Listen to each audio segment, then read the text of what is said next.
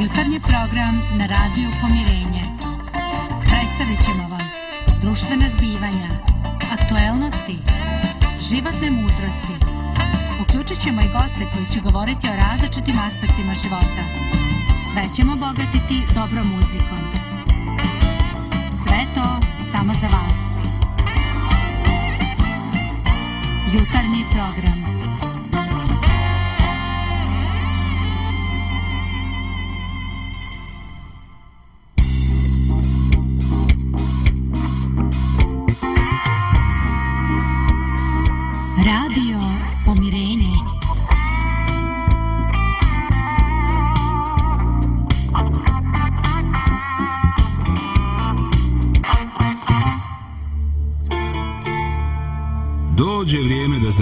Osvrne i poželi da iznova vrijednuje svoj život.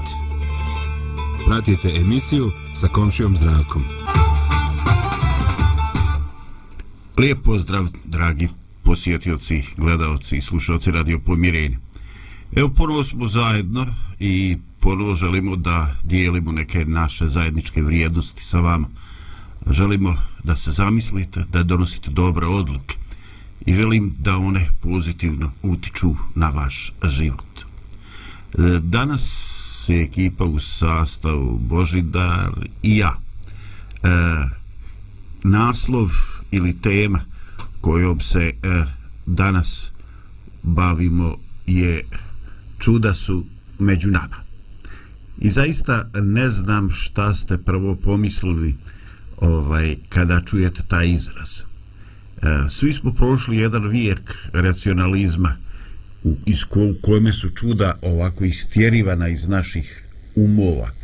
E, jednostavno tako smo podešeni mentalno da nismo prijemčljivi za ništa što je e, drugačije, što je nadprirodno.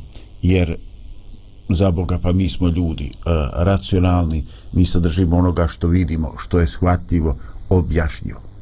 No, da li je to zaista tako?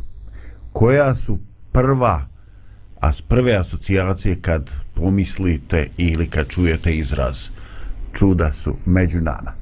Eto, ja sam nešto razmišljao o ovome i onda pomislim pa čudo, čudo među čudima ili kako se kaže čudo neviđeno. Sjetio se restoran Brajlović tamo, a nikad još nisam uspio da ga posjetim i da vidim i kušam sva ta čuda neviđena. No, ovo je svakako nešto što se dešavalo u mojoj nutrini. Ali Božidare, e, šta ti pomišljaš prvo kad čuješ ovu riječ? Čuda su među nama. čuda su među nama. Pa ti si već meni dao neka pitanja ovdje, pa sam ovaj, razmišljao o tome. Pa ne znam, evo, čudo je, čudo je ovo što mi danas evo, sjedimo u studiju, a gledaju nas ljudi u Americi, u Kanadi, ši nekim drugim zemljama, to je to je stvarno čudo. Meni to neobjašnjivo, ja nisam studirao elektroniku i sve te stvari, kako to funkcioniše, ja ne znam. A bitno je da fercera, je li tako? Ono, fercera. Ko će, to, ko će to sve pohvatati i tako. Da, nove, te, nove tehnologije su zaista nešto što se desilo ovaj uglavnom u zadnjih 50 godina e, ili makar je e, ritam kojim se pojavljuju nove stvari se značajno ubrzao u zadnjih 50 godina. I jednostavno sada je našoj e, djeci nedostup, dostupno i ne samo da je dostupno, nego oni to uveliko koriste ono što smo mi gledali samo u nekim filmovima prije 30 i nešto godina. E, sjećam se kad sam jako mlad gledao prve upotrebe ili zloupotrebe web kamere to stvarno nije bilo ovaj i proći još dosta godina kad ću ja nabaviti svoj prvi kompjuter na kojemu još nije bio ni Windows nego MS-DOS ono CD pa razmak pa šta znam Ova, ajde, ovi stari znaju o čemu pričam, ovi mlađi će reći čoveče, ali ovaj star metuzalem, on je kupio kompjuter prije što se Windows pojavio. No dobro, nećemo o tome nikom pričati, makar ne javno. Ja se sjećam, Zdravko, nisi ti ušte star, ja se sjećam, ja sam mađi od tebe, ja sjećam se kad sam mi gledali kako djeca u Japanu imaju kompjutere. I nama je to bilo nešto... Commodore 64, je li tako? ne znam, mislim da danas uh, naša djeca ne mogu da zamisle svijet naših roditelja. Znači, ne mogu uopšte da zamisle. A isto tako ni ovi naši stari koji su još uvijek živi ne mogu da se uklope u ovaj današnji svijet. Toliko znanja napreduje, toliko tehnologija napreduje da jednostavno oni ne mogu da se snađu s tim niti mogu da budu dio tog svijeta. Kaže, djeda, što smi tem kupli telefon? Pa kaže, kupli, pa ima, nosim ga. A ma čoveče, nosiš ga, odeš, kaže, tamo na nju i ostaviš ga u kolima, ideš na pecane, ostaviš. Pa to je da imaš u džepu, aj šta ćem to, kraj, ko će stalno misliti, ko će stalno misliti na to. Dakle, ne uklapa se ovaj, to sve, postoji upravo to što ti kažeš. Teško je čoveče, teško se u svemu tome prešaltati kao ovaj, i, i, kao da su vijekovi prošli, a prošle su tek neko desetljeće. No, e, siguran sam da svaka nova pojava e, ima izaziva i skeptične, skeptičke reakcije i one druge kao oduševljenje. Eto, meni je gotovo nevjerovatno da sam pre e, davno čitao podatak kad se na ulicama Evrope pojavio prvi automobil koji je išao nešto preko 30 km na sat. Onda se u tamošnjoj štampi pojavili novinari koji su rekli da ta brzina e, jednostavno ne samo da nije bezbjedna u saobraćaju, nego to je brzina koja je upitna da li ljudsko tijelo može to podnijeti. Eto, drugari, može li vaš tijelo podnije 30 km na sat? Ovo je ovaj nešto ovaj, što je nevjerovatno zvuči kao za jednu rubliku, vjerovali ili ne, ali ljudi su jednostavno tako razmišljali. Sjećam se one domaće, kola bez konja, džavolja sprava, tu ti je vječno u torbi glava, reče Branko Čapić. Eto, dakle, svaka nova pojava, svaki krupar skok, svako novo čudo za tri dana, postoje oni koji ga dočekaju sa oduševljenjem, svije će se promijeniti i oni koji su skeptični. No, e, koje dobre ili loše strane bismo danas izvojili u ovim čudima e, u tehnološkom svijetu? Hm. Pa ja bi možda malo proširio samo ovu priču, pa doćemo i do toga, do, do tih loših posljedica. E, na početku, kad je Bog stvarao svijet, on tamo kaže da je svijet bio veoma dobar, ali ne kaže da je bio savršen. Znači sve što je Bog stvorio bilo je veoma dobro, ali to stvaranje nije bilo ni savršeno, ni završeno. Ništa od nauka nije bilo otkriveno ni matematika, ni fizika, ni poljoprivreda, niti bilo koja druga grana nauke nije bila otkrivena. To je sve trebao čovjek da otkriva, da osmisli i da razvija i da stvara taj savršeni svijet sa, jer ga je Bog stvorio sa potencijalom da bude, da bude savršen. I mi danas možemo da vidimo da smo mi daleko uznapredovali, da smo otkrili mnoge prirodne zakone, e, tehnologija, sve se razvija, medicina, sve je to veoma uznapredovalo i čovjek je to sve otkrio. Međutim, problem je s time što smo mi ovladali prirodom, ovladali prirodnim silama, ovladali prirodnim zakonima, ali nismo uspjeli da ovladamo nama samima. I zbog toga mi zloupotrebljavamo sva ta znanja. Mi koristimo znanje za sebične interese, koristimo tehnologiju mašine, da eksploatišu zemlju da bi mi mogli da imamo što više bogatstva i mislim da je to glavni problem. E, I ovo svako nešto s čim se moram uh, složiti, no jednostavno ovaj ajde malo bi da, da, da testiram ovaj da li ti uh, stojiš iza toga značenja riječi jer ono svijet je Bog stvorio s potencijalom da ga uh, da ga prepoznaju, da dovršavaju znanje. Ova riječ savršen nekako previše asocira kao da je već bio pad u grijeh. Jel ti stojiš iza te riječi ili misliš da je on... A dobro, ne, čini mi se da je bio... Čini, nebitna terminologija. Da, znači, da. govorim samo tamo o tekstu. U tekstu kaže da Bog rekao bilo veoma dobro. Da. A ne kaže da je bilo ni savršeno, ni završeno. Da, nije bio završen definitivno, tu slažem ovo okolo savršen, evo recimo ja sam sklon vjerao da je bio savršen, ali nedovršen. Baš bar do onoga trenutka kad su nam ovaj, e, tamo oko one voćke napravili diverziju pa se čovjek i Bog udaljiše. No dobro, nije to ni najvažnije, naročito ne u ovoj temi. Dakle, mi smo uznapredovali, mi smo neslučene korake napravili, ali čovječe, imamo stari problem. Nešto u temelju priče se nije promijenilo. Mi ne gospodarimo sobom, ne gospodarimo našim strastima, našim egoizmom. Mi smo jednostavno spremni da ono što saznajemo koristimo na način koji nije dobar. I, e, i opet se vraćamo na ono što si rekao da ćemo da odgodimo. Dakle, to znanje mora donijeti neke pozitivne stvari. Ali upravo rad toga što smo mi nesavršeni, to znanje svojom zloupotrebom e, donosi i neke donosi i neke e, probleme.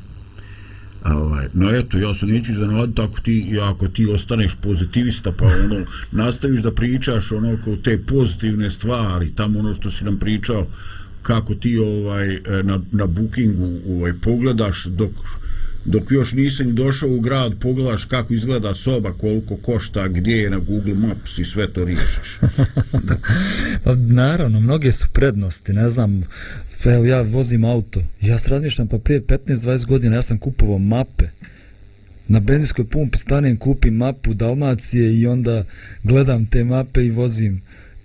Danas ideš u Pariz, 10 miliona stanovnika, milion ulica, ne sekiraš se ništa, ugledaš, upališ telefon i on te dovede tačno adresu gdje hoćeš.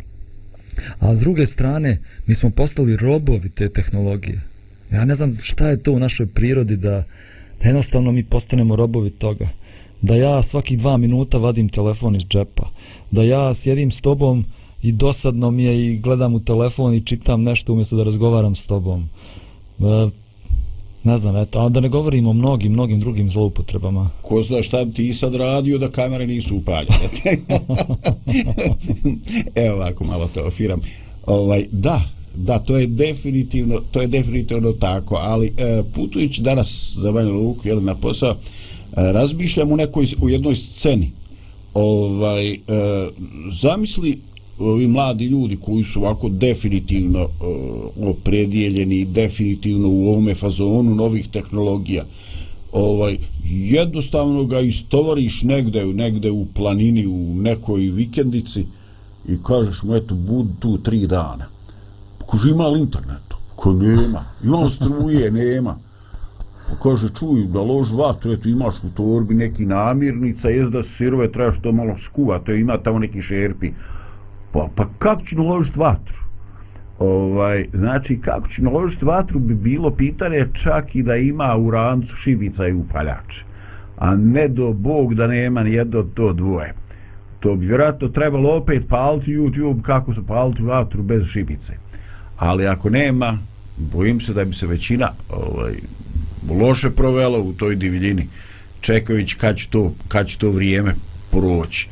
Znači, mi ode, možemo otići uživo uh, i posjetiti Taj Mahal, jeli, ono, ovaj, dvorac posvećen besprotnoj ljubavi prema nekoj indijskoj princezi, ali ovaj, zapaliti vatru ovaj, tamo, ovaj, a ne napraviti požar u šumi, to mogu biti veliki, veliki zahtjevan problem. Ovaj, I to vidim kao jedan od, jednu od posljedica tog nekoga ovaj, virtuelnog svijeta. Dobro. ne znam, ćeš još da ja pričam ili ćemo malo i pauze da napravimo. ovaj, e, pa ti definitivno, ovaj, definitivno preuzmaš ovaj, vođenje emisije danas, ali evo stvarno 11 minuta mogli bi. Dakle, evo spremio sam jedan ovako lijep instrumental.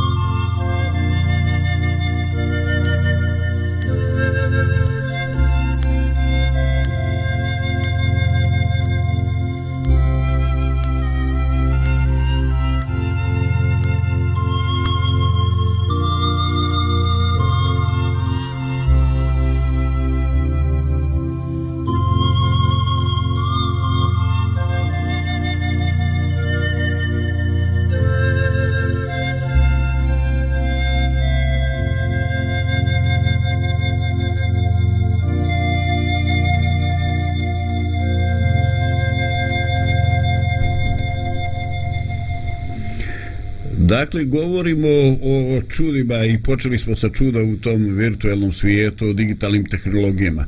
I zaista je to što se dešava prepoznatljivo je kao čudo ne samo za starije ljude, nego i za mlađe.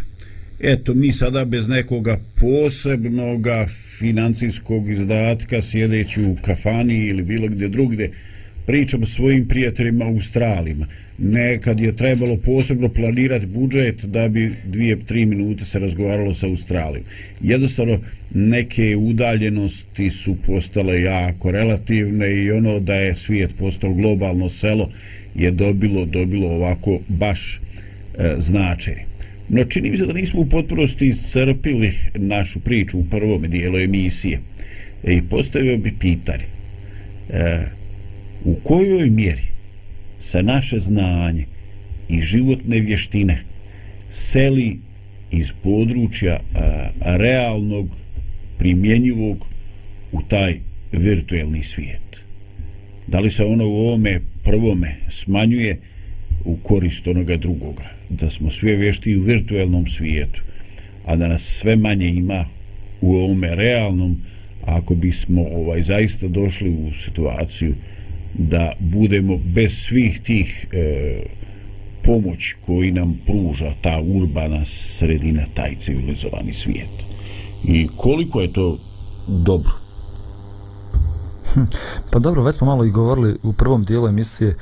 A, naravno da su to sve pozitivne stvari. Evo, ja sam nekad morao da putujem, ne znam, cijeli dan, dodem u Beograd na sastanak. Sad otvorimo Zoom, svako sjedi u svojoj kancelariji i mi razgovaramo. Uštedili smo vrijeme, uštedili smo gorivo, uštedili smo energiju.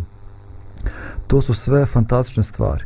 Međutim, loše stvari, evo kad govorimo sad o toj nekoj savremenoj tehnologiji, što smo mi postali otuđeni jedni od drugih, što smo mi, mi živimo naše živote virtualno, mi imamo hiljade prijatelja na Facebooku, ali nemamo ni jednog jedinog prijatelja s kim možeš otići na kafu, s kim možeš popričati. Nažalost, takav je život takav je život nastao. Ja sam možda u nekoj emisiji pričao, skoro sam išao tamo planina Šator, selo Preodac, ima 300 vrela. Škola bila nekad sa 350 đaka, danas nema ni jednog jedinog đaka. Čist vazduh, čista hrana, najbliža fabrika daleko 70 km. Na groblju niko ne umire ispod 100 godina. Ali mi ne volimo takav život, mi više volimo život kompjutera, život interneta. Iako nas to ubija, otuđava, otuđuje jedne od drugih, ali nekako smo privučeni tome. Ovaj, Božidar, ja očito nisam dovoljno sugestibilan ili ti ne pristaješ na ovu moju neku vizuru, moju tačku gledanja.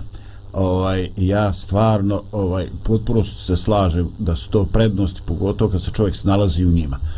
Ali ovaj, mi e, apsolutno podrazumijevamo da će sve predpostavke E, te civilizacijske uvijek biti dostupne. I ovaj, e, jednostavno mi teško prihvatamo da može doći trenutak kad će nestati struje. I kad je neće biti danima. Evo, podijelit ću s vama jednu kratku anegdotu. E, jedan e, sin od našeg e, komšije, tamo gdje ja živim, e, otišao je u Ameriku, zaposlio se u jednom tržnom centru. I ovaj tamo se desilo za njihovo prilike čudo.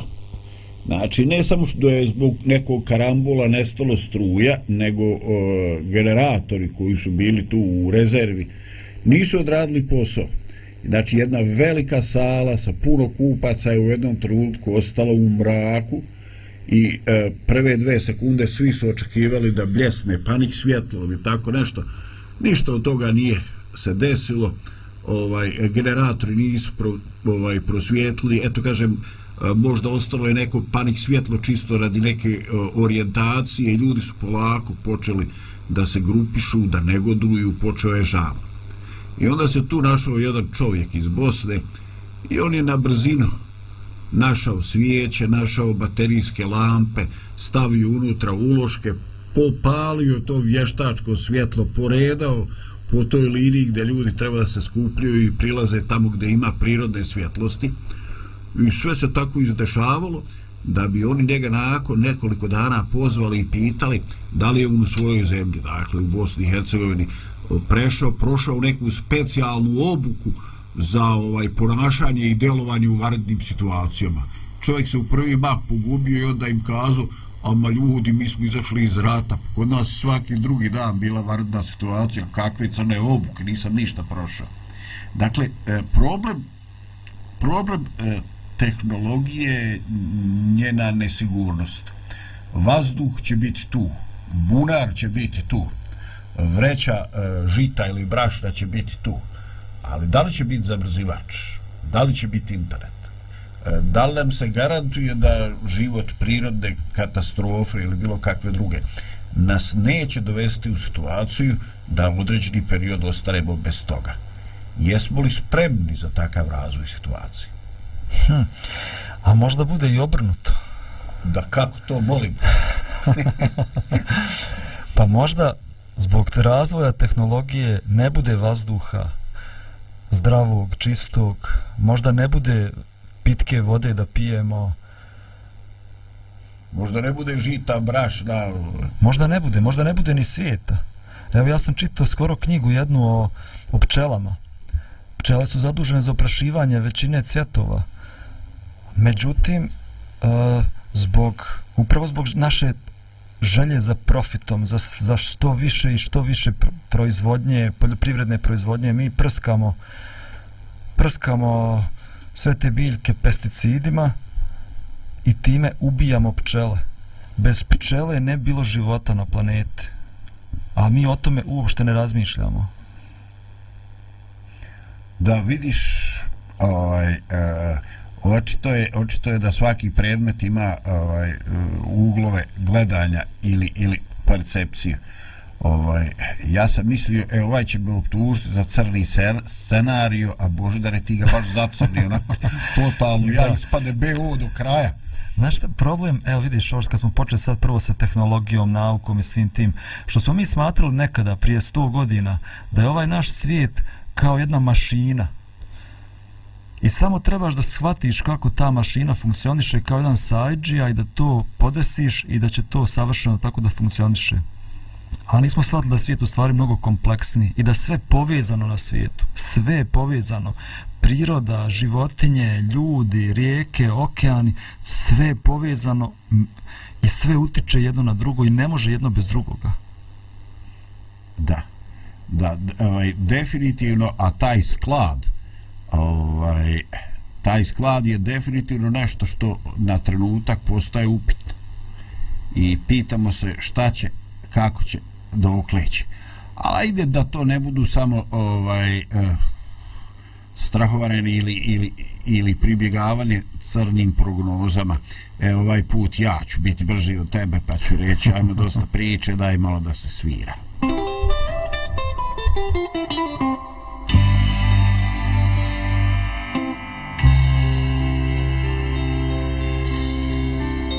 Obuci staru krinolinovu i prebaci bijeli šal.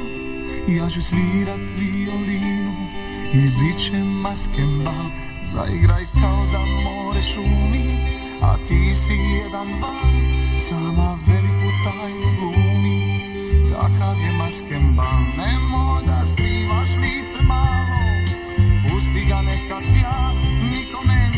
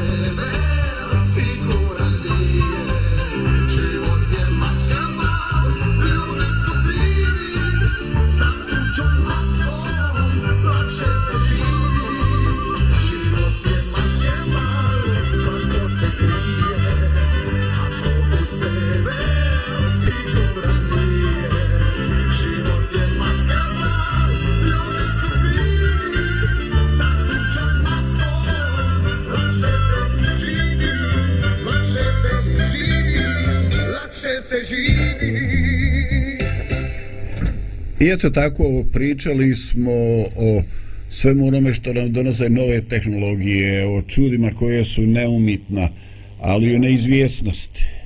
Da li će tehnologije u određenom trenutku ostati bez podrške i naći nas nespremne, neprilagođene da živimo u nekom svijetu prirode. Ili će, kao što reče ti Boždar, tehnologija učiniti da taj svijet prirode kaže dosta mi je ili ćemo toliko utištiti ovaj svijet da on jednostavno neće više biti gostoprimljivo mjesto za život. I upravo je ovo možda e, dobar trenutak da e, pređemo na našu sljedeću temu, na naš sljedeći izvor čuda. E, pogledajte, mi ljudi imamo problem u percepciji e, i mi smo skloni da čudo ne prepoznamo zato što ga viđamo svakodnevno. Dakle, mi e, vidimo nešto što je jako neobično, ali pošto smo to često viđamo i to je često pred našim očima, e, jednostavno e, mi to doživljavamo kao ono što posve normalno, uobičajeno, iako je to sve, samo nije lako, e, nije lako e, shvatljivo. Evo, e, prije jedno sedam dana sam bio u situaciji da odem do jedne vikendice ovaj, uh, u planinskom dijelu ovde Bosne i Hercegovine i ajde tamo zapalim vatru i pripremim za dolazak malo veće, veće ekipe i za druženje tu. Ovaj, onda prvo što je bilo potreba, uzeo sam našao neku lopatu i počeo da pravim staze ovaj, da se stazama može donijeti ovaj, pelet do peći i šta znam šta će sve trebati. I, ovaj, I onda tako u jednom trenutku ispod toga snijega 30 cm visine ovaj, odjedan put moju pažnju privuče eh, jedan buket jegorčevine. I ovaj, vjerovatno prije desetak, 15 godina to apsolutno ne bi obratio pažnju. Ovaj, I onda stanem i počnem da razmišljam. Ovaj, aj sad ćete vi reći, stavu ti, brate, da se malo ohladiš od lopate, pa kao sad baviš se umnim mislima. Ovaj, e, zamislite, snijeg preko 30 cm, nije on pao prije 3 dana. E, i mi bi htjeli da kažemo proljetno bilje narasta kad zato dođe neka prosječna temperatura. Kakva crna prosječna temperatura, to je još pod snijegom. Znači, e, došao je neki signal toj prirodi da se budi. Ja stvarno nemam pojma kako to funkcioniše. Ali je gorčivna je krenula ispod snijega. I već se oformila, čekala da ja otkrijem lopatu. E, nevjerovatan je broj stvari u prirodi koje mi, preko kojih mi prelazimo. Ovaj, a koje su e, koje su stvarno čudo. Eto, ovaj, sad ću malo ovaj, da budem provokativan. Ovaj, e, možda, možda sam ti nekada i rekao, Eh, uh, je se ikad zapitao kako to da Djetlić lupa kljunom, glavom u drvo i čuje se na 50 metara i da ne dobije potres mozga. pa čovječe, to je meni čudo prve klase. Ali samo zato što je to prirodno, mi to smo skloni da to kažemo da to nije čudo. Pa mislim, ono, kako da gušter osjeti se u opasnosti, kaže, oslobodi se repa, narašću on meni. Što meni zub ne naraste koji su mi izvadili, ovaj, izvadio stomatolog. Ovaj, jer to nije čudo? To je prirodno, ali je to čudo. To je nevjerovatno. To je daleko makar od moga svatanja. Kad je Gušter naučio o evoluciji da mu, kad se on to uspio izvježbati da mu narasta rep? Ima li tu neko objašnjenje ili možda sam ja promašio te učbenike kad sam trebao učiti pobjegao s časa? Evo, ja baš volim ovu temu svako što se počeo, sam ja stvarno veliki ljubitelj prirode. Ja sam mnogo više oduševljen tim prirodnim čudima koje nas okružuju nego bilo čim što čovjek napravi. Ja sam juče vozio auto, išao sam Mrkonjić grad, pa sam se spustio na Grahovo, pa sam išao Livno. Pa to tako predivni krajevi.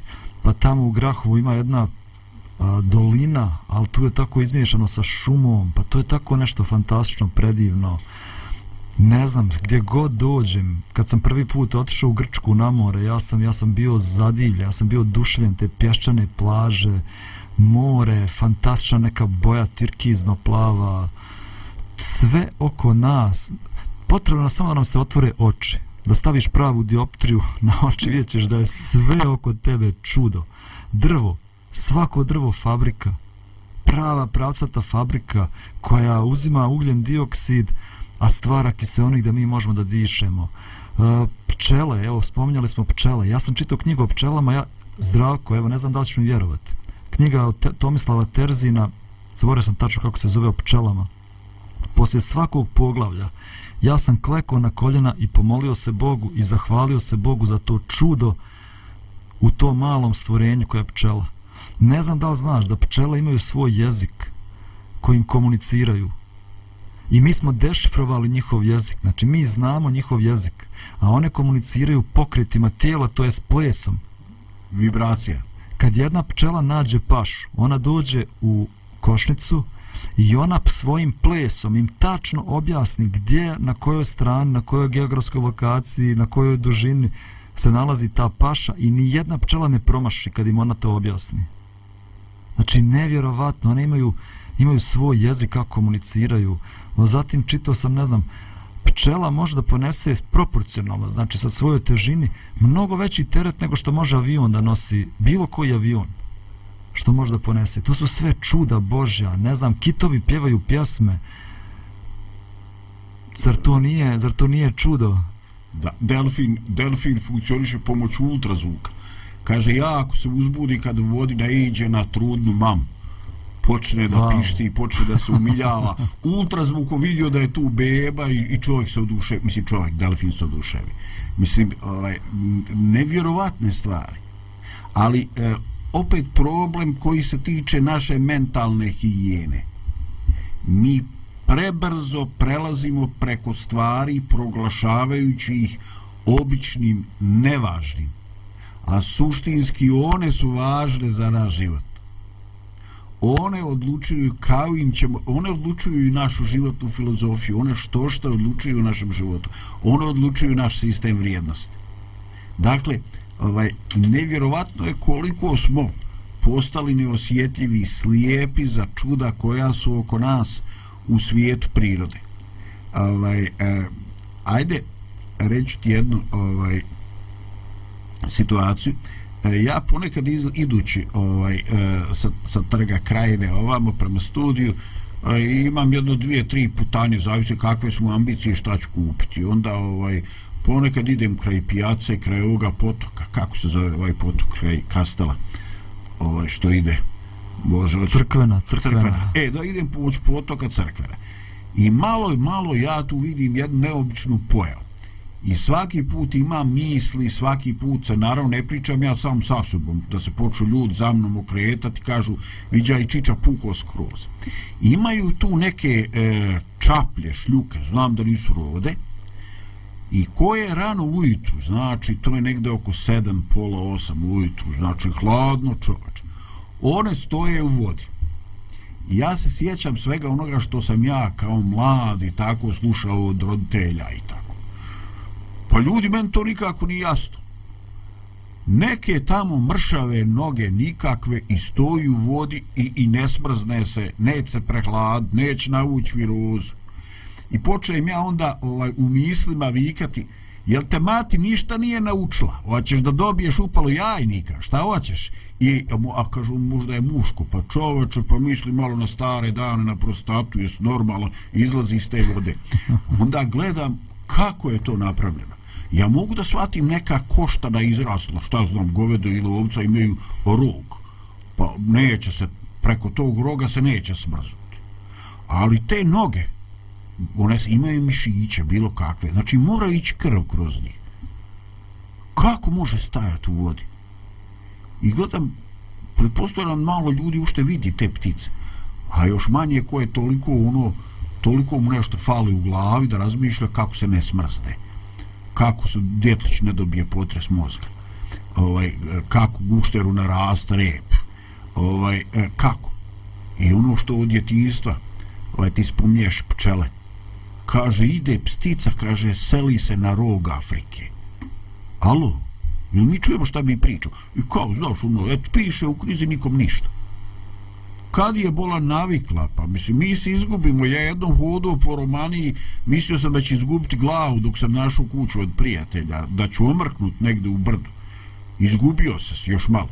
Na sreću nabavulio po sreći do čovak a ona ide dole na jug Afrike na rog Afrike. Kako? nevjerovatno, Fenomenalno. Nevjerovatno. A ja vole pročitam nešto, jedan citat iz knjige koju mi ti ovaj, poklonio. Kaže ovako, Dostojevski, Hristolika ličnost gleda na prirodu ne kao na divlje čudovište, koje treba nemilosrdno ukročivati, već kao na bolesnika, koga treba nježno milovati, sažaljevati i voljeti. Za nju priroda ne predstavlja bezdušnu materiju koju treba grubo tretirati i bezobzirno iskorišćavati, već raskošnu tajnu Božju koju treba molitvom milovati i ljubavlju izučavati.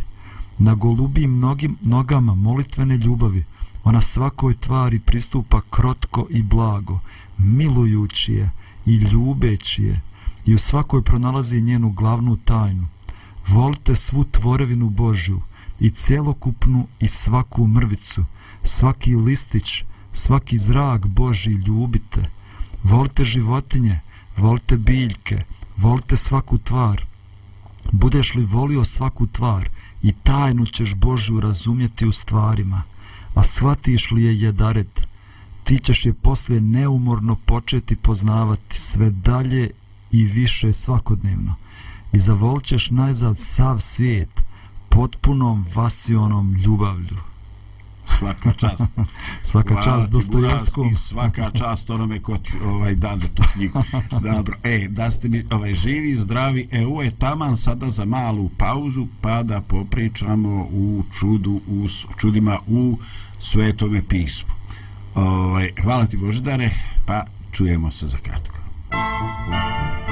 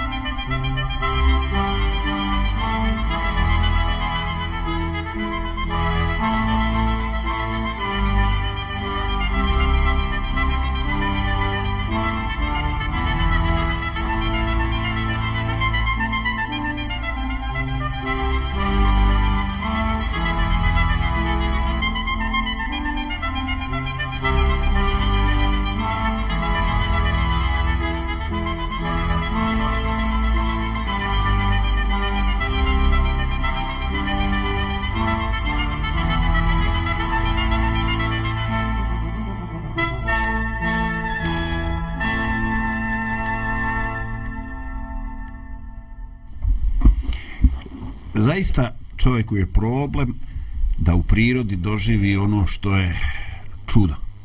Iako je ono prirodno, iako je ono svakodnevno prisutno pred našim uš očima. No, koliko je tek problem da naš racionalizovani mozak e, doživi i iskusi ono što je nadprirodno. Koliko problema imamo kad čitamo, tumačimo, kad pokušavamo da razumijemo sveto pismo, koje je prepuno čuda, jer tu je zavjesa sklonjena, tu su pokazano zaista neka realnost koja je daleko od površinskog uvoda, uvida. Tu se pokazuje ono što je nadprirodno, tu se pokazuje javljanje Božje. Naravno da su opisani događaji bili u kontekstu potreba toga vremena i mi imamo različite vrste e, čuda. I kad bi pokušali malo e, da ih klasifikujemo, oni se dijele na čuda koja su nastala tako da su ljudi bili u nekim e, izuzetno izazovnim situacijama kao što su ratovi neke e, nepogode, neke masovne bolesti ili tako. I druga vrsta najčešći čuda to je Božja intervencija kad je pojedincu ili grupi trebala zdravstvena pomoć koja iz uh, repertuara tadašnje medicine nije imala odgovore. Dakle, imamo mnogo, mnogo takvih situacija. I rekli bismo možda postoji ona treća kategorija čuda u kojima se e, Bog direktno obraća svojim prorocima, poslanicima, kako god da izovemo. I zaista e, nismo slučajno govorili e, o čudima e, Eh, prvo spominjući ona čuda koja su prirodna ali, ali ih nedovoljno prepoznata prije nego što bi govorili o ovim čudima. E, glavna poruka kako je ja vidim eh, e, Boždare e, je upravo poruka o živome Bogu koji je djelatno prisutan koji je tu ovaj, e, koji jednostavno prisutan je djeluje u našem životu osnovno je pitanje koliko smo mi sposobni da to prepoznamo no e, za početak javilo mi se jedno pitanje na početku svog rada Isus je učinio mnoga čuda ali ovaj e, postoje jedno mjesto za koje se kaže da u tom mjestu nije učinio ni jedno čudo zašto? šta možemo iz toga saznati? da, da, on je rekao da ne može da učini čuda kad ljudi, ljudi ne vjeruju u čuda. Uh, ja mislim danas problem što mi smo mi smatramo da postoji materijalni svijet i odvojeno od toga duhovni svijet me većina ljudi možda i ne smatra uopšte da postoji duhovni svijet. Oni samo vide samo ono što je materijalno, što je telesno. Tu nema nikakvog mjesta za neko nadprirodno djelovanje. Tu nema mjesta za neki duhovna bića i tako, ne, tako dalje. Ali evo za, ali čak i mi ljudi koji vjerujemo, nekako zbog sve te tehnologije, napretka znanja, smo totalno zapostavili taj duhovni svijet. A ja mislim da materijalno i duhovno nije odvojeno nego je to sve jedno i zajedno. Bog koji je stvorio svijet je i prisutan na ovom svijetu i djeluje i u životima ljudi i brine se o ovoj planeti daje nam i kišu i sunce iako mi to možemo da objasnimo s nekim fizičkim zakonima kako to sve funkcioniše ali za toga ipak stoji tvorac koji brine i kao što i ovdje smo malo prije čitali samo je potrebno nam se otvore naše oči pa da vidimo taj duhovni svijet svuda oko nas i da vidimo da je i Bog prisutan svuda oko nas i zainteresovan za naš život i djeluje na različite načine u našem životu. Ja mogu sad da pričam o, o nekim čudima koja ti zastane dah, a mogu da pričam i o čudima gdje, gdje ja vidim neku promjenu u mom srcu, u mom karakteru. Da, ovaj, ono što meni jako privlači pažnju upravo u tvom izlaganju e, je ta sugestija da nam ne treba takva čvrsta podjela, takav čvrst paralelizam između toga materijalnog i dugo, duhovnog svijeta. A ako sam ja dobro razumio tvoje riječi, e, ti sugerišeš da se to mnogo više e, ulazi jedno i drugo da se proživa da nije nešto ovde a nešto je lecirano na onom drugoj strani ovaj, dakle ako sam te dobro shvatio ovaj, e, to sve prožimanje materijalnog i duhog svijeta je potpuno i veoma je teško e, naći e, i odrediti pouzdanu granicu. Jer ovaj e, jednostavno posljedica dešavana u jednoj sferi se očituju na ovoj drugoj. Ja sam li to dobro shvatio? Pa jeste, ja mislim da nema granice. Mi smatramo, ne znam, duhovno je kad odeš u crkvu i moliš se Bogu. A svaki dan kad radiš nešto to nije veze s tim duhovnim ali sve je to duhovno. I sve je zamišljeno da bude duhovno. Ne znam, kad obrađuješ zemlju to bi trebalo da bude duhovno iskustvo. Kad vodiš ljubav sa svojom ženom to bi trebalo da bude jedno duboko duhovno iskustvo. Kad igraš futbal na livadi i to bi trebalo da bude jedno duhovno iskustvo. Za one čije su oči otvorene. Uf brate ovo je, ovo je bilo malo tvrdo. Dobro, neću sad izdvajati jedan tvoj primjer, ovaj, a ajde recimo ono, malo stariji sam čovjek, ajde da spomenem taj futbal, ono, ovaj, nećemo ovaj drugi primjer uzmati. Ovaj, volio bi da možda kažeš neku riječ, kako to taj futbal na livadi može biti duhovno iskustvo? Pomozi malo našim slušalcima. Pa ne... Možda i meni, pošto ja nikad Evo, nisam moj, nešto znao igrati futbal. Moj sin i ja volimo futbal i pratimo futbal i od malih nogu, nekako kako je Danije odrastao, gledali smo Mesija. I sad eto priča o Mesiju poznate svim ljudima, on je bio jako nizak, niskog rasta, čak je bio i bolestan. Rekli su mu da neće moći da raste, pa je došao u Španiju tamo da se liječi, ali imao je, imao je taj talent za futbol i Barcelona ga je uzela. I on je zadivljavao cijeli svijet svojim vještinama, ali nije nikad uspio da osvoji titulu svjetskog šampiona. I uvijek su govorili, Messi je fantastičan igrač, ali nije poput Pele i Maradone zato što on nije nikada osvojio titulu svjetskog prvaka. I takmičio se na, ja mislim, 4-5 svjetskih prvenstava i nikad nisu uspjeli da osvoje titulu. I sad, zadnje svjetsko prvenstvo, Messi ima 35 godina. Sve u svojoj karijeri osvojio i svjetsko prvenstvo, gdje je ovo bilo, ne znam, nije u onoj zemlji nekoj, Zimus. E, mene snašao pitanje. I on u 35. godini, kad više nikomu nije davo nikakvu šansu, osvoji to svjetsko prvenstvo i bio najbolji igrač. Ja kažem ovom Danielu, pa to je neka, neka sudbina je njega vezala. Njemu je Bog dao jedan tako nesvakidašnji talent da se ljudi dive toj njegovoj vještini i da baš na kraju karijere, kad ništa više ne očekuješ, dobiješ ono što nikad nisi mogao da dobiješ, da te ljudi vide kao najboljeg svih vremena. Ja mislim, on je stvoren za, za, za tu ulogu. Ko što si, ne znam, ti stvoren za nešto drugo, tako Messi stvoren da igra taj futbal i da oduševljava ljude sa tom svojom vještinom. I ne znam, kad ja gledam njega, za mene to jeste i, i umjetnost, i duhovnost, način na koji on igra. Dobro, evo recimo da bi je to sad donekle malo shvatljivije. Ali jes, napregao sam se, brate, sam se napregao da te shvatim, pogotovo što baš nisam nekad, nikad bio vješt u tim igrama sa loptom. Ovaj, kažu, ako zdravku ulazi, onda svi trebaju staviti kostobrane. Nisam se ja s tim falio, šta ću? Tako je, tu i gotovo ali bolje o tome čutat, ne moram svoje mane svoje otkriti i, i pod, da budu pod uh, lupom javnosti.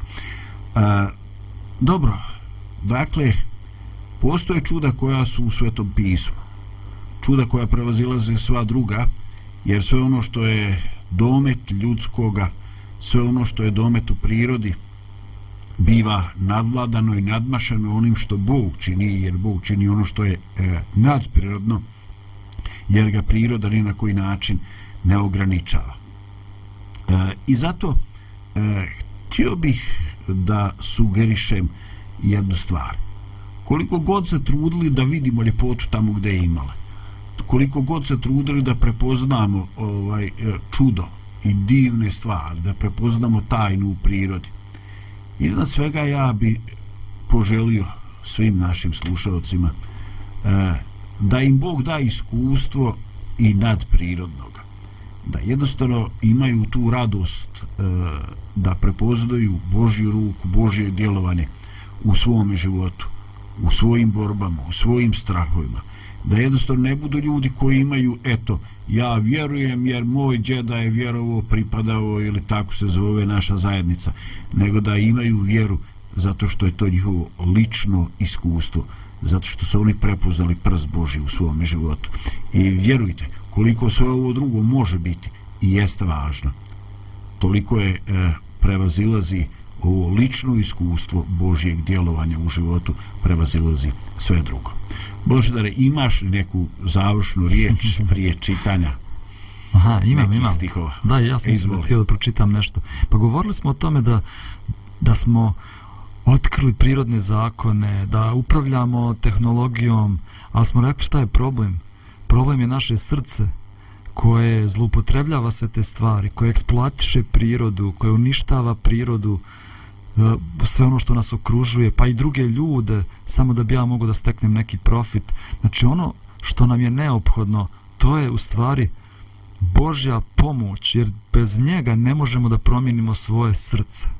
Svi možemo da ovladamo, ali svojim srcem ne možemo da ovladamo, da bismo bili pravi vladari, tako da kažem, i upravitelji ove planete, treba nam Božja pomoć da, da bi naše srce bilo promijenjeno. I imam jedan tekst zapisan u knjizi proroka Jezekilja u starom zavjetu gdje Bog kaže ovako i daću vam novo srce i nov ću duh metnuti u vas.